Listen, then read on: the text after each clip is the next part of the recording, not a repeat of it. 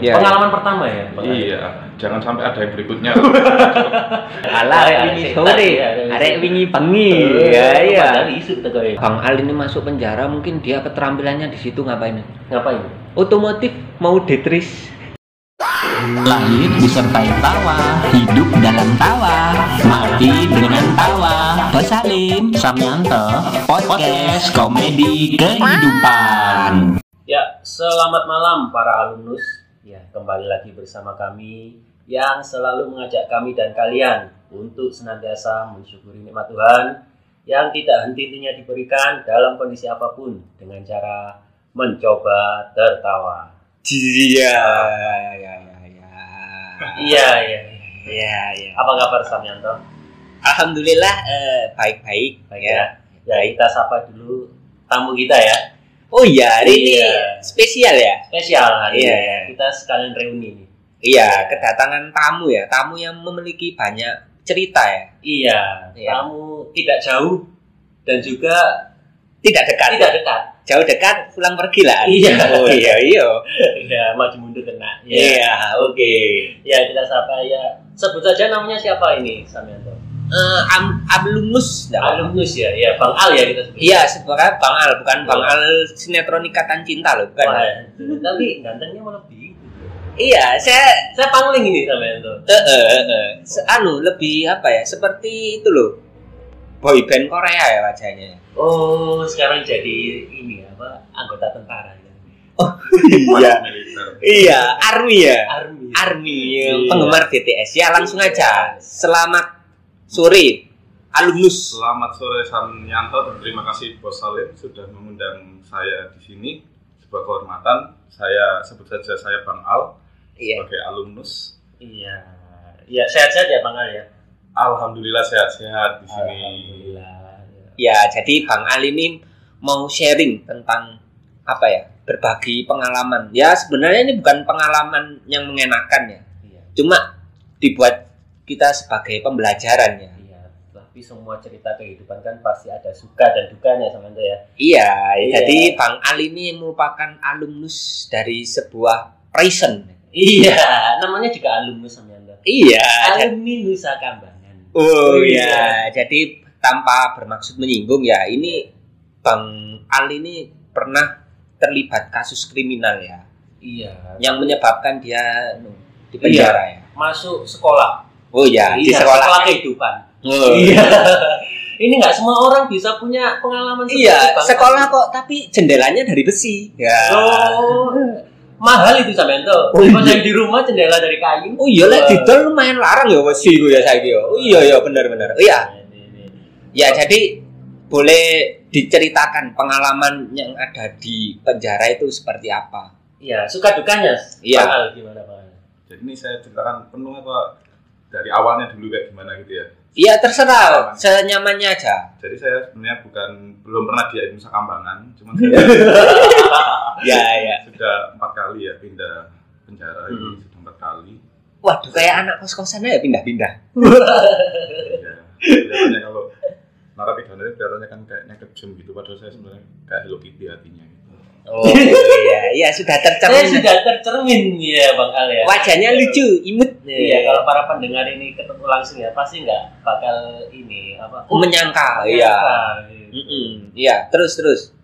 Jadi awalnya itu kayak di film-film gitu, antara nyata atau nggak nyata gitu. Sempet namanya terlibat dengan hal kayak gitu tuh kaget yang pasti kan ya. Iya. Iya. Pengalaman pertama ya. Iya, jangan sampai ada yang berikutnya. Pengalaman yang terakhir kalau Iya, amin amin. Iya iya. Betul. dari pertama eh, pertama kejadian itu kayak di film-film langsung didorong gitu kan terus ditanya-tanyai ya ditanya-tanyai kita menjawab dan ya mirip di film-film gitu memang Interogasi ya. ya kurang lebih kayak gitu Heeh, heeh. terus memang ada kita pertama kali itu berat banget ya untuk awal kali masuk itu Mm-mm. memang ada ya kayak gitu ada kekerasan itu ada untuk pertama kali masuk itu ya Ibaratnya katanya sih kalau saya pernah dengar ospek. Iya kayak ospek gitu. Pertama kali masuk itu memang sangat berat apalagi kita belum pernah di dunia yang kayak gitu kan ya. Iya, iya, Kita kaget dalam kondisi yang biasanya saya rambutnya kayak boyband langsung gundul gitu ya. Wah. Kalau boleh tahu dulu waktu itu usia berapa Bang? Umur kalau nggak 19 20 saya ingat saya itu. Wah. Hmm. Wow, iya. Usia usia yang Usia emas ya. emas ya. Iya, Emas. cuma emasnya sayangnya Gold terlalu 24 karat. Iya, goldnya menyatu dengan Iya. jendela besi itu ya. Tapi kita ini kalau pengalaman emas itu biasanya nunggu usia-usia yang bertahap matangnya Samianto ya. Heeh. Tapi Bung Al ini memperoleh kesempatan lebih cepat untuk memperoleh sekolah kehidupan. gitu. Iya, iya. Iya, jadi setelah kayak ospek gitu gimana? Jadi selain menciptakan pengalaman, saya di sini juga ingin menyampaikan saran dan kesan Heeh, heeh. terhadap pengalaman yang pernah saya alami. Heeh. Jadi ada budaya di dalam dunia penjara itu yang harusnya itu dihentikan yaitu kekerasan waktu awal kali itu karena semua orang memang bersalah tidak luput dari kesalahan ya. Betul. Cuman kalau misalnya orang itu sudah divonis oleh hakim dan yang kuasa juga memberikan hukuman pastinya kan Mhm. kita divonis oleh hakim secara pidana dan juga secara yang kuasa kita juga diberikan eh, timbal balik kepada kita sendiri atas apa pun yang kita perbuat tapi kenapa harus ada kekerasan sesama manusia di situ Oh, iya, iya, iya. seharusnya itu budaya itu yang di dalam penjara itu kurang baik karena mereka apalagi sama orang yang bersalah juga dan juga untuk mungkin eh, petugas yang memiliki wewenang itu juga alangkah baiknya tidak menggunakan kekerasan karena memiliki wewenang gitu ya Iya, Jadi iya. cuma saran aja Setuju sih. Setuju. dari pengalaman. Ya, paling Jadi sama kayak di film-film ya. Iya. Mungkin itu nggak terekspos ya, mungkin itu. Cuman itu Ah. memang semua yang sudah pernah mengalami mungkin mengetahui itu bukan sebuah rahasia lah. Gitu. Jadi kekerasan itu kok bisa saling introspeksi diri aja, menyadari kesalahan masing-masing, nggak perlu Hmm. menghakimi orang lain karena sesama manusia tidak berhak menghakimi yang lain. Iya, benar, benar. Masalah budaya. Paling enggak ya apa ya? Paling enggak ya dirangkul, maksudnya dirangkul ya dikasih nasihat lah paling enggak ya. Hmm. Oke. Tidak ada kejahatan yang lebih mulia daripada kejahatan yang lainnya gitu maksudnya. Iya. Oh iya, ya, se- anu ya jadi filosofi ya Ini sekarang. semakin semakin Aristo Aristoteles. iya, tuh jangan dibalik loh tidak ya. Itu jorok loh ya. Iya iya iya. Iya ya. Terus setelah itu setelah ospek terus bagaimana keadaan sehari-hari lah? Ospek digunduli, botak, masuk wajib militer jadi army BTS itu. Iya. Oh iya, iya. Terus kan awalnya masih di lembaga kaos coklat awalnya. Iya. Oh iya, Terus di lembaga kaos coklat, terus kita kan dipindah setelah jadi ada bedanya antara nam- namanya tahanan dengan narapidana. Tahanan itu orang yang diduga melakukan sebuah tindak pidana. Heeh. Sedangkan kalau orang yang sudah divonis itu berubah menjadi narapidana, menjadi tahanan negara, Iya. narapidana. Kita dipindah ke namanya lembaga pemasyarakatan. Itu adalah penjara yang sebenarnya. Oh. Itu untuk narapidana ya, Bang. Iya. Iya. Jadi untuk narapidana itu orang yang sudah divonis. Hmm. Memang ada banyak perbedaan antara di rumah tahanan rutan dengan lapas. Jadi di rumah tahanan itu lebih soro bahasa Jawanya itu lebih soro. Oh iya, lebih sengsara ya. Lebih sengsara, lebih berat, jauh lebih berat. Kayak ini nyuwun sewu ya bahasanya itu nggak diperlakukan seperti manusia. Oh. Eh, ini saya mungkin ngomongnya agak frontal sedikit memang karena itu yang Iya, iya. dirasakan. dirasakan dan dialami kalau Iya. di rumah tahanan itu. Sedangkan kita pindah ke lapas itu karena di bawah naungan Kemenkumham ya Kementerian Hukum dan Hak Asasi Manusia. Di situ masih ada hak asasi manusianya. Di lapas ya, Bang. Iya, di Iya. lapas itu masih ada hak asasi manusia. Jadi walaupun kita memang divonis bersalah, tapi kita juga masih dianggap seorang manusia, Oh Bukan, iya. uh, uh, makhluk yang lain lah. Soalnya kalau sebelumnya mungkin kita diperlakukan seperti itu. Jadi di Malu goib. Dianggap nggak ada. Ini hilang. Iya, iya. iya. Betul. waktu, di jadi narapidana itu di dalam lembaga pemasyarakatan kita banyak hal yang kita pelajari Heeh. juga memang ada beberapa esensinya di situ mungkin masalah sopan santun dan lain-lain mungkin nggak semua orang memahami itu Iya. jadi itu memang diajarkan mungkin kesannya orang kriminal itu orang yang sangat mengerikan dan membahayakan kalau kesannya di masyarakat umum yang belum tahu Iya. Sedangkan waktu saya bertemu dengan orang-orang tersebut yang kelihatannya di berita itu mengerikan sekali pemberitaannya waktu saya bertemu ternyata mereka sopan orang yang pertama dicap teroris kelas kakap orang yang Oh. dianggap pembunuh berantai dianggap pembunuh sadis luar biasa. Waktu bertemu saya mereka itu sopan luar biasa. Malah yang anggapannya bahasanya mokong-mokong itu malah yang sekitar-sekitar maksudnya yang kasusnya misalkan Kasus kecil-kecil. Iya, yang cuma tiga bulan, lima bulan di dalam keluar masuk, keluar masuk, keluar masuk. Heeh. Nah ini itu kan tadi pengalaman. Jadi memang ada namanya masa-masa dan biasanya kalau misalnya beberapa kasus tertentu itu yang sekali masuk nggak cuma satu dua orang, mereka banyak orang. Heeh. Jadi masanya lebih kuat daripada orang yang masuk satu orang. Gitu. Oh Iya, iya iya. Terus kesehariannya di sana ngapain aja? kesehariannya kita di sana ya dikasih makan lah ya Heeh. dikasih makan kita Eh, bisa beraktivitas walaupun terbatas jadi yang Hmm. dihukum kita itu bukanlah cuman raganya tapi lebih ke kita dijauhkan dari orang-orang yang kita sayang gitu. Oh ya berarti apa sosialisasinya terbatas lagi ya. benar kita dibatasi segala em, waktunya untuk keluar dari ruangan Iya. berinteraksi terus masuk lagi kembali ke kandang kan gitu ya Tapi Heeh. sisi-sisi eh, kasih sayang yang seumpama tadi Bang Al sebutkan dijauhkan dari orang tersayang, Hmm. apa ada apa itu eh, pengganti rasa kasih sayang yang diberikan oleh orang-orang sekitar di dalam lapas itu? Ya, paling tidak lah. jadi Paling tidak. sebenarnya kita kan di sana itu kalau terutama yang hukuman berat-berat ya yang saya bahas ini ya, itu merasa sepenasiban gitu jadi malah yang hukumannya berat-berat itu malah yang jinak-jinak karena Hmm. mereka sopan soalnya mereka sudah berat banget mikirkan nasib mereka jadi untuk meng- mengurusi nasib orang lain maksudnya untuk resek dan lain-lain itu lebih kecil kemungkinannya Mm-mm. untuk yang hukumannya berat-berat gitu Oh iya iya. iya. Jadi lebih solid ya di dalam ya. iya benar Iya. sekali Lebih gotong royong ya. Iya. Kalau anda ingin lebih gotong royong, silakan nyoba. Bos Salim mungkin. Waduh.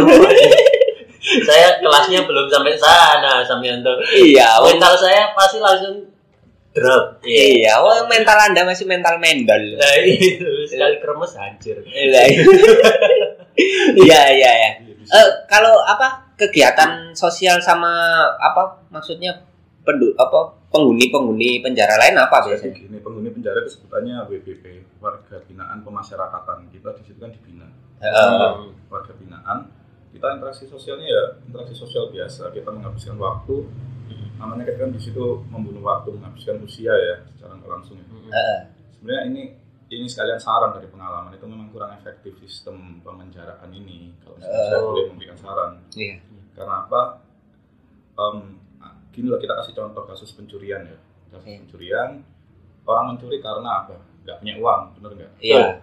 terus orang mencuri dihukum dimasukkan penjara lima bulan orang di dalam penjara itu nggak bisa nyari uang Dia malah kehabisan uang bebas dia nggak punya uang sama sekali. Di luar akhirnya apa? Nyuri lagi, lagi. masuk lagi nggak bisa nyari uang Oh, lagi nyuri iya. lagi. Ini Iya. kan sesuatu hal yang salah dan terus menerus Hmm. sedangkan kalau misalnya ini mungkin ada sarjana hukum atau orang ahli hukum yang mendengarkan saya mungkin beberapa kali sharing bertukar pikiran dengan orang hukum. Kalau saya salah ya mohon maaf.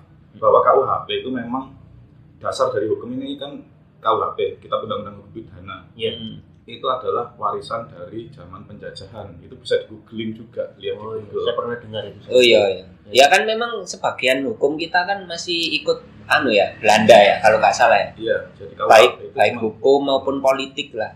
Itu masih cuman terjemahan dari kitab undang-undang hukum pidana zaman penjajahan Belanda yang mana sudah nggak dipakai di Belanda yang perlu kita pertanyakan kenapa di Indonesia penjara itu selalu penuh over capacity dan ditambah jumlah penjaranya sedangkan di Eropa sendiri yang membuat KUHP dasarnya itu tadi malah pengurangan penjara Penjara. dan juga malah penjara itu kosong. Kalau misalnya dibilang di sana tingkat kriminalitasnya sedikit di Indonesia karena kesejahteraannya kurang saya rasa itu kurang tepat. Alasannya bukan di situ tapi karena kita harus itu dibanding lah. Di negara lain kenapa bisa mengurangi tingkat kriminalitasnya? Gini orang itu nuraninya yang dibentuk ini nuraninya yang dibentuk. Mm-mm. orang kalau misalnya dimasukkan penjara nggak ada esensinya. Orang dijauhkan dari orang yang disayang semakin brutal. Karena dia nggak punya kasih sayang yang pertama. Iya. Misalkan ini saya ambil contoh kenapa nggak orang mencuri? Itu dikasih kerja paksa dia selama tiga bulan di sebuah industri diberi keterampilan. Setelah tiga bulan dia akan mendapat keterampilan dan bisa kerja di industri tersebut bekerja sama dengan pihak swasta maupun BUMN Hmm. Iya, akan iya. lebih bisa Solutif. mengurangi Iya lebih solutif. Solutif. Iya. iya. Solutif ya saya Terus. rasa. ya. anggaplah kasus misalkan pemerkosaan dia masuk penjara malah nggak ada ceweknya keluar dia sekali lihat cewek malah kayak gimana coba kan udah bertahun-tahun nggak lihat cewek kan gitu Hmm. Oh iya iya. seandainya dia dipekerjakan secara, secara sosial di panti asuhan atau panti jompo, nuraninya akan bergerak. Oh kayak gini besar anak dari kecil sampai besar. Oh kayak gini merawat orang tua, Hmm. kan kayak gitu. Iya iya iya. Jadi apa ya? Ping ini ya itulah masukan ya mungkin ya sekedar masukan dari pengalaman Betul. Bang Al ini ya. Iya. Iya iya. Terus kalau kegiatan yang apa ya unik-unik di penjara apa? Yang maksudnya kayak ngopi, cangkruk gitu. Banyak yang unik sih malah hal-hal di dalam itu malah jauh berbeda dengan hal-hal di luar kalau misalnya ditanyakan yang unik ya banyak Iya. iya yang yang sekiranya eh, hanya bisa ditemukan di dalam gitu. Iya, apa? Ya contohnya aja contohnya masak bakar-bakar itu pakai plastik resek itu Iya. plastik resek yang dibuntel-buntel Iya. Eh, eh, eh. terus dibakar itu terus bakarnya pakai bekas kaleng cat kalau nemu kaleng cat ya alhamdulillah gitu biasanya bekas Oh, pembangunan itu iya. Oh, iya. kayak camping ya Anda ya? Iya. Bang Al ya. Dibilang gitu juga iya. Apa di sana tidak disediakan itu? Eh, fasilitas untuk kompor atau sempat ada sempat ada kompor itu cuman memang ada waktu itu ada media yang meliput terus katanya kok enak hidup di dalam penjara ada kompornya. Wah, nah, iya. akhirnya kompor itu semua ditiadakan Iya, kalau lama-lama nanti anu ada api unggun, lama-lama ada tril persewaan tril dalam penjara. Kan itu lama-lama dibangun pohon pinus Loh, lah, iya rumah pohon. Kan itu semakin nganu ya. Terus kayak kegiatan-kegiatan olahraga gitu nggak ada. Setahu saya kalau saya pernah lihat-lihat sih kayaknya ada biasanya. jadi gini untuk penjara itu juga ada kelas-kelasnya pak Heeh, Eh, Mak Sam Yanto. Yanto ini penjara itu ada kelas 1, kelas 2 ukurannya pun beda-beda kelas 3 saya sudah pernah dimasukkan di penjara kecil dan juga penjara besar. Memang kalau di penjara besar itu ada beberapa lapangan olahraganya. Memang fasilitasnya jelas lebih lengkap di penjara besar tapi ada beberapa penjara besar yang memang khusus untuk hukuman pidana yang berat dan kasus tertentu. Iya. dan rata-rata kalau misalnya di kota kecil penjaranya kecil kalau penjara kecil itu rata-rata fasilitasnya terbatas dengan jumlah Hmm. penghuni yang luar biasa banyak banyak misalkan kapasitasnya cuma 100 penghuninya sampai 500 bisa dibayangkan kan kayak gimana itu Iya, iya. Waduh, kayak antrian sembako. wah bukan sembako lagi sama Pernah. BLT tidur di dalam satu ruangan itu tidurnya duduk satu ruangan ukuran sekitar 5 kali 5 kamar mandi dalam ya kayak hotel ya kamar Iya. mandi dalamnya Wah. itu diisi oleh sekitar kalau nggak salah 36 orang lima Iya. kali lima itu ukuran garasi dua mobil ya bang Al ya saya kira itu Lima kali lima kan dua lima, bos. Iya dari dulu itu Oh iya iya, sorry sorry. Iya, kalau diumpamakan visualnya saja. Oh, gitu. iya, iya, iya. Dan itu ditempati 36 orang sampai Lah ya sampai tidur di kamar mandi. kamar mandi Ada dalam. di kamar mandi Waduh, orang itu wis terlatih tidur di mana-mana ya. Tirakat sepertinya. Tirakat deh. lapas kecil itu kayak gitu kalau untuk lapas yang kecil gitu. Hmm. Kalau yang besar, kalau yang besar ya alhamdulillah ada pembagian ruangan antara narapidana gitu beda kasus beda blok gitu ada blok-bloknya juga malah kayak perumahan ya ada blok-bloknya Ya, di sini blok anu ya, Ada- blok ada yang tempat ya, bukan blok nulis nulis anu ya. Blok cat- ya, iya. nulis catatan bukan blogger ya, tolong ya kolega ya. Di sini blok itu kayak tempat ya.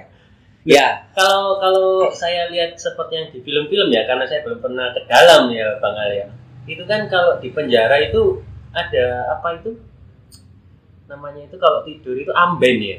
Oh ya amben amben ya kayak Ya. kasur lah. kasur susun kalau di penjara luar negeri itu kan Iya. satu sel itu dua Ya kalau saya lihat game-game anu prison break gitu-gitu loh. Iya, dua Oh. susun terus kamar mandinya itu ya jadi satu di situ apa seperti itu ya mungkin penjara di Indonesia ini masih belum semodern di luar ya Iya. di Indonesia ini tidurnya dari cor-coran jadi dari semen itu kalau untuk yang tingkat itu dari semen nggak ada namanya kasur eh, dipan yang dari Iya. tingkat itu belum ada dari empat kali saya pindah itu belum pernah menemukan satupun yang ada kasur susunnya gitu Oh. jadi alasnya itu ya cor-coran gitu cor-coran bawahnya itu Oh, jadi ya kayak cuma dikasih alas kayak tiker gitu ya ya stiker. Oh, itu lapas ya, di lapas ya. lapas itu benar-benar Anu ya. Iya, Ya, saya ya. doakanlah supaya maju ya pembangunan penjaranya ya. iya ya kasihan lah punggung-punggung saudara Iya, walau, walaupun ya. walaupun bersalah ya, tapi Iya. paling enggak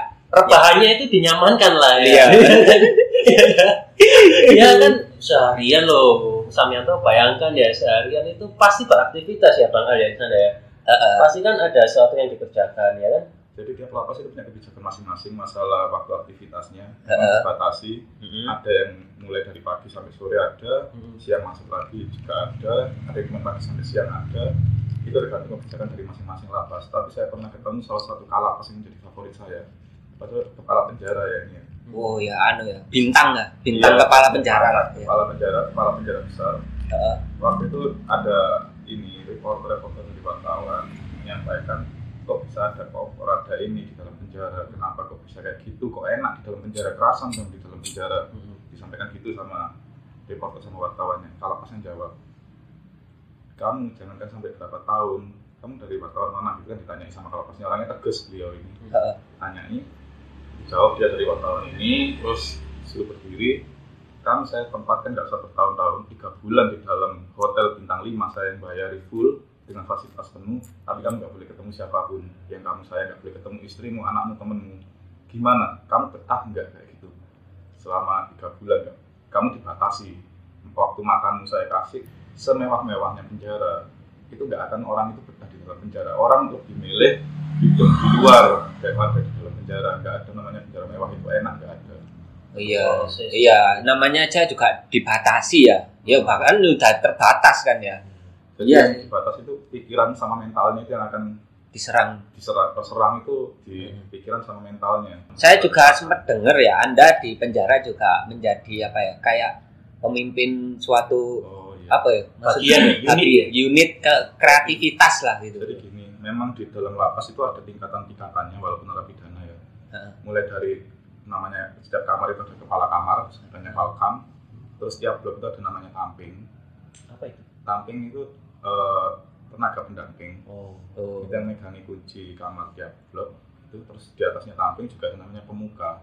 Pemuka ini yang membawa beberapa tamping Oh ya. ya. gitu. Jadi ada tingkatannya. Kebetulan waktu itu saya sempat merasakan dipercaya sebagai pemuka gitu. Wah, iya. awalnya juga dari tamping dulu awalnya setelah bertahun-tahun jadi tamping Oh. naik jabatan ya? Iya. setelah kita jadi pemuka iya Oh, iya. Waduh, pemuka. kayak anu ya. Semuanya di proses. Iya, kayak perusahaan ya dipromosikan ya mungkin Anda ya karena prestasi ya. prestasi Iya. ya, ya prestasi. Bisa, syaratnya bisa naik jadi itu apa? Atau harus menyelesaikan or- apa? Harus sertifikat organisasi atau sertifikasi Iya. atau memperoleh bintang ya enggak enggak ada namanya kita kan belajar ya proses jadi di penjara itu orang yang jadilah orang jangan yang ditakuti tapi disegani saya melihat di situ nggak ada namanya orang kuat di dunia ini. Bener. Ada saya pernah ketemu orang dia itu pinter karate dia seorang bodyguard di kafe. Dia sebagai seorang yang jagoan dan dia anggapannya malai semua orang di situ dengan tindak kekerasan. Waktu dia masuk ke lembaga pemasyarakatan dia jadi coaching.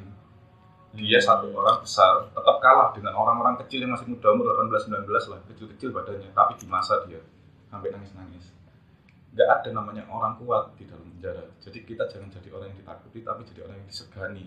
Kita Wah. punya pemikiran yang lebih bijaksana. Itu kita akan lebih dipandang. Di ya dalam ya ya seperti kehidupan ya. Jangan Benar. jadi yang ditakuti tapi disegani lah. Malah ya. orang yang sok-sokan di dalam penjara nggak mungkin bisa jadi seseorang pemimpin kan gitu. Malah yang saya lihat orang-orang pemimpin ini orang-orang yang biasa-biasa aja tapi punya pemikiran yang bijaksana gitu ya ya. bisa merangkul bisa merakyat. Percuma seorang pemimpin kalau misalnya dia sombong angkuh. Itu malah orang banyak yang nggak senang gitu. Dan bisa menghargai orang ya iya di situ kan orang susah semua pak. Bukan orang seneng-seneng di dalam situ. Jadi iya. kalau misalnya ada orang yang sok jagoan kita malah melihatnya ke orang ini kayak gini ya kan gitu. Jadi untuk menjadi lah ya Wah, ini sih arek sih tas ini. alah Arek ini wingi sore ya. arek wingi bengi ya iya. Padahal isu kayak. saya pelajari di dalam juga kalau misalnya karma itu luar biasa cepat. Luar biasa cepat dan itu nyata. Hukum alam gitu hukum alam itu luar biasa cepat. Kemarin sampai mukul orang nggak lama lagi sampai kena karmanya. Itu yang tadi yang saya cerita ada orang seorang bodyguard yang sok jagoan malah ya orang sampai orang yang kepala ini bunuh diri karena dia itu nggak punya mikir beban keluarga di luar punya istri punya anak yang harus ditanggung dan dia mentalnya tertekan pikirannya oleh orang yang sok jagoan tadi. Hmm. akhirnya waktu pindah ke lapas ternyata benar karma itu ada. Dia dimasa sama orang yang kecil-kecil gitu. Yang badannya dia ototnya Heeh. tapi dia kena karma. Itu karma itu luar biasa cepat dan pasti terjadi di dalam itu. Orang yang awalnya masa-masa orang baru pertama kali masuk orang nggak tahu sistem penjara kayak gimana di masa di kekerasan. Orang yang melakukan kekerasan itu karmanya luar biasa cepat dan pasti terjadi. Oh Yang saya pelajari dari iya iya. Tapi ada pepatah. Jadi kalau orang yang masuk penjara terus dia di luar nggak punya pekerjaan, dia lebih milih masuk penjara karena di dalam itu lebih eh, terjamin makannya, terus apanya itu aktivitasnya di sana punya banyak teman, seperti itu katanya. tergantung kasusnya dan tergantung orangnya kalau saya bilang ya. Kalau misalnya kita makan indomie itu makanan yang sangat mewah di dalam itu. Orang bisa makan indomie tiap hari orang itu luar biasa. Makan indomie itu udah luar biasa enak di dalam itu nasinya kurang layak lauknya nggak ada rasanya kayak makan sayur dicemplungin air Nah, iya. Dari Berarti nggak bisa makan mie setan ya? Loh, Waduh, yang ada setannya beneran datang ya. Lah iya. dalam. Oh, lah iya. Makan mie ditemani setan. Iya, berarti nggak merasakan momen-momen prasmanan ya. Oh, Waduh. tapi di sana makannya prasmanan ya Bang enggak lah di stoki kayak ada tempat makan gitu itu Heeh. Memang jarang dimakan sama penghuni jadi mereka sebisanya kalau kunjungan ada yang bawain mie udah alhamdulillah sangat bersyukur ada yang bawain indomie itu mereka bertahan hidup dari ini kunjungan orang-orang terdekat aja yang itu mana waktunya dibatasi sekali biasanya karena terlalu banyak penghuni di rolling gitu Oh iya. iya. Terus Anda waktu jadi kepala apa pemuka itu apa tugasnya gitu tuh? kebetulan saya waktu itu pemuka ini bukan pemuka blok tapi kita pemuka kerja Lah iya, iya. unit kerja jadi di situ ada beberapa unit kerja dan tiap unit kerja ada tampingnya yang pasti kita harus mengkoordinasi tiap unit kerja itu bisa berjalan efektif sesuai tujuannya untuk memberikan Hmm. keterampilan pada Lah keterampilan. ya. narapidana Heeh. dan itu ada syarat-syaratnya juga untuk menjadi mengasah keterampilan nggak semua bisa diterima bahwa memang orang-orang yang biasa keterampilannya itu bisa bermanfaat di luar nantinya Iya, iya. Ya, biasanya apa aja yang ada keterampilannya di situ? Mungkin setahu saya sih kayak buat kayu, kerajinan kayu gitu. Jadi gini kembali lagi tiap lapas itu beda lagi. Tiap Oh. lapas itu beda dan memang banyak perbedaan tergantung kebijakan dari petinggi-petinggi di lapasnya ya. Ada Iya. yang kebetulan waktu itu kalau lapasnya itu kepalanya baik dan dia menjunjung tinggi untuk keterampilan itu ada saya pernah di salah satu lapas itu yang paling lengkap itu ada kerajinan kayu terus habis itu ada perkebunan perikanan terus ada pertanian terus ada juga ini pembuatan keset pembuatan keterampilan terus budidaya jamur terus ada pokoknya sekitar 12 unit termasuk penjahitan juga. Oh. tapi ada juga lapas yang cuma satu aja keterampilannya dan itu cuma terbatas orangnya. Karena kebanyakan penghuni yang bisa mendapat keterampilan mungkin nggak sampai dari 10% nggak nyampe 5% aja nggak nyampe Saya dulu khayalan saya ya ini ya. Dulu waktu Ya. Anda Bang Al ini masuk penjara, mungkin dia keterampilannya di situ ngapain? Ngapain? Otomotif mau detris. Wah, iya ada ya ya. Iya, film detris tahu ya, Bang Al ya. Tahu, Bang Al ya. Lah ya saya bayangkan waduh Bang Al ini mungkin sekarang menjadi mekanik anu ya, Iya, anda kan, mengadakan lomba. ya. iya, anda kan doper sejati kalau. Jadi gitu. Anda kan nyetir ya ahli. Iya. iya, tinggal dipakai topeng namanya Franken Frankenstein. Iya. Iya.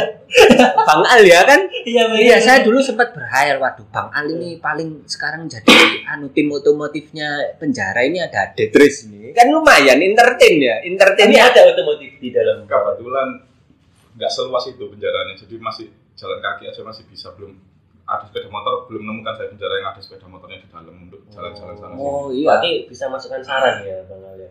Iya, Jadi sekolah beneran jadinya ya. Iya. Buka Ya jurusan. paling, paling enggak kalau enggak apa balapan mobil ya sepeda dulu. sepeda itu loh fiksi. Ya mundur ya gitu dulu lah paling enggak. Oh, iya, iya, iya. Ih, tapi saya dengar pernyataan Bang Al ini bahwa tidak semua dari napi ya tahanan itu dapat kesempatan untuk memperoleh eh, pengajaran-pengajaran tentang ini apa Keterampilan itu. keterampilannya. Kenapa tidak semuanya di eh, ajari? Berarti sesuai minat bakat ya atau bukan bukan? sesuai minat bakat apa nggak diwajibkan itu? gini misalkan kapasitas penjara itu 1200 waktu itu yang menempati 5000 orang itu kan udah dari jumlah aja udah nggak mungkin. Keterbatasan dari fasilitas dengan jumlah penghuni itu luar biasa.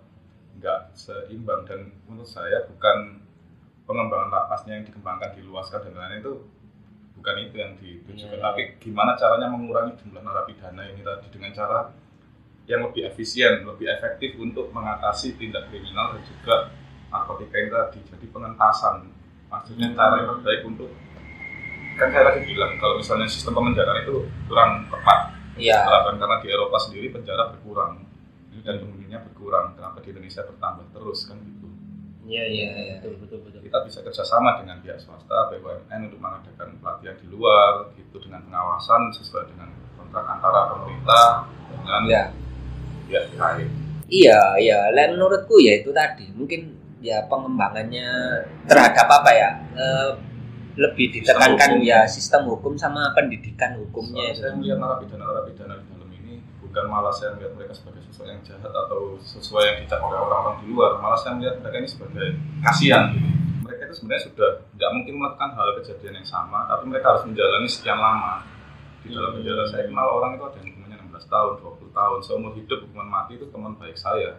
Teman baik saya ada yang hukuman mati hukuman seumur hidup hidupnya mereka kayak hampa bahkan ada yang bilang hidupnya kayak zombie mereka sebaik apa pun mereka berperilaku bahkan saya rasa lebih baik daripada orang-orang di luar ya kalau misalnya saya menilai waktu itu saya dan merasakan di luar merasakan di dalam Iya. saya rasa perilaku mereka sudah sangat baik tapi nggak menemukan solusi sistem hukum kayak gimana gitu Iya, iya. sedangkan nanti kan juga ada namanya karma di dunia selanjutnya itu Iya. juga berlaku Iya, ya. Ya gitulah pengalaman ya. Mungkin ada lagi yang ingin di share?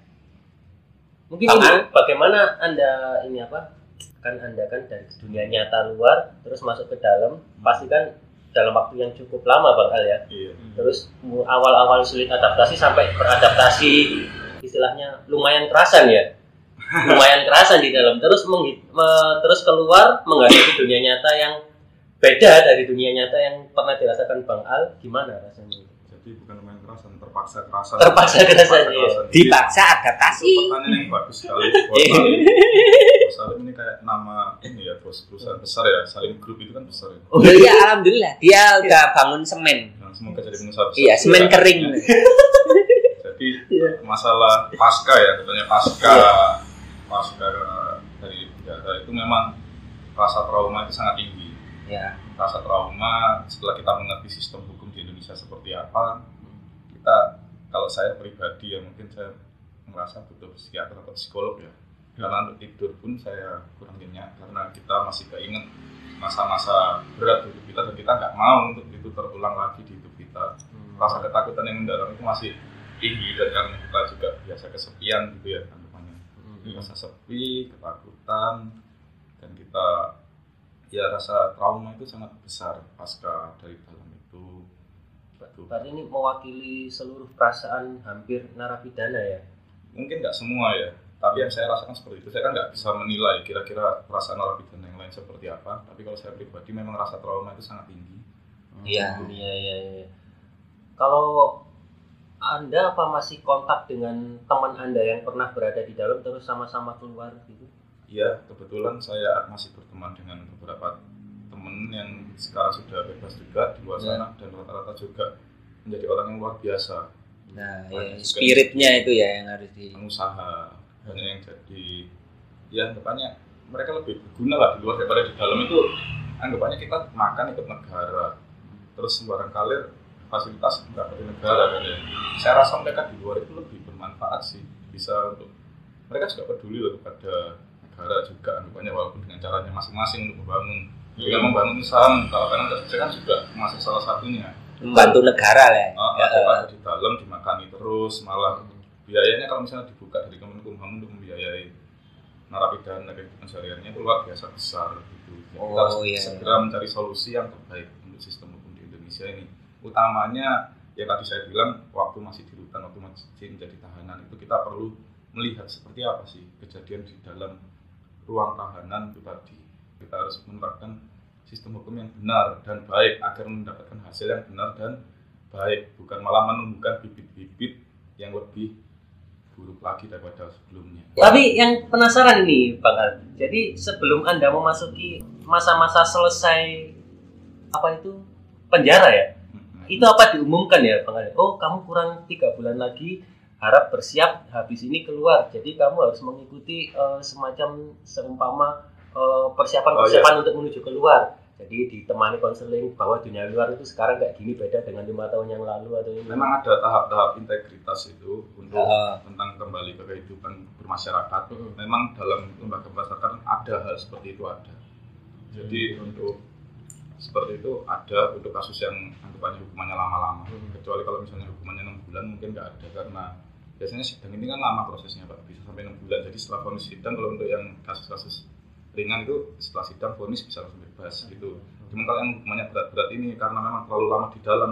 Pertama kali saya keluar ngeliat mobilnya jalan tol itu udah luar biasa seneng ngeliat Wah. matahari kita lebih belajar bersyukur ngeliat ngeliat bintang karena kita kan malam biasanya dikurung ya pak ya. Iya. Iya. ngeliat bintang itu juga bersyukur rasa syukurnya luar biasa gitu Pak. jadi kita mungkin ada beberapa penyesuaian kaget juga waktu udah bertahun-tahun di Iya. dalam waktu di luar ternyata kayak gini dan mungkin ada beberapa hal yang memang lebih tertata di dalam daripada di luar misalkan kayak masalah kebersihan dan tata kota dan lain-lain ya itu memang ada beberapa penyesuaian Mm-mm. Ya biasa lihat bintang coret-coretan di tembok penjara, terus Oh, lihat bintang bintang asli. beneran ya. Iya kan kaget. Wah, Iya. Beda cahayanya. Iya, kok remang-remang kalau iya, makanya. Kok remang redup. Tiba warung. Wah. Ya, Tapi ya. Anda sempat menjalani dua periode presiden ya jadi ya. iya iya ya, ya, yang penting ini dijadikan sebagai bahan pembelajaran aja, ya kan? Bahwa kasus kriminal itu ya namanya ya kriminal. Cuma ya itu tadi ya untuk Sisi hukum- hamnya ya. sisi hamnya, hukumnya ya kalau bisa Indonesia lebih baik lagi. Lebih membentuk manusia yang bisa siap untuk bermasyarakat lagi. Iya, siap bermasyarakat dan bermanfaat. Betul. Nah, itu. Iya. Ya. manusia kan manusia lah ya pak ya jadi ini untuk pesan terakhir ya mungkin ya untuk Iya.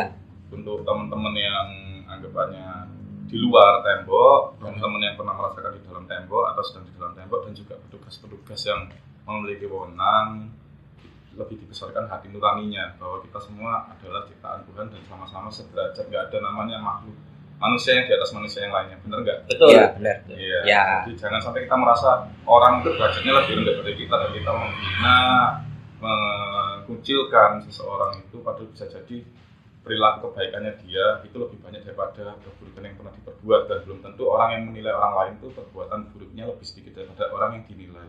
Betul. Iya, betul, benar, benar. Iya. Lebih banyak introspeksi ya. Ya, ya Iya. introspeksi menyeluruh lah. Betul, betul. Iya. betul.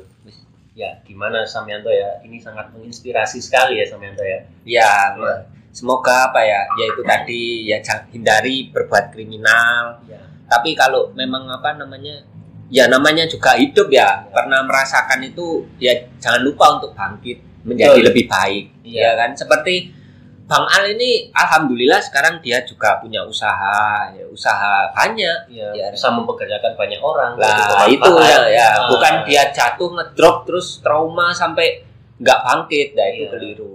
Jadi Ya, nanti kalau mau sharing-sharing dengan Bang Al bisa hubungi kita dulu ya. Nanti Iya. kita yang sambungkan. iya, Iya. iya, siap, siap. ya, ya, Bang Al, terima kasih ya. Terima kasih banyak atas ini ya apa secercah Iya, secara hikmah lah. hikmahnya. Iya. Terima kasih juga buat Bang Sam Yanto dan juga Bos Salim yang undang. Ya, terima kasih. Ya, itulah kolega Menwa ya dapat kita sampaikan. Iya. Sampai jumpa di episode selanjutnya bersama kami di podcast komedi kehidupan. Bye.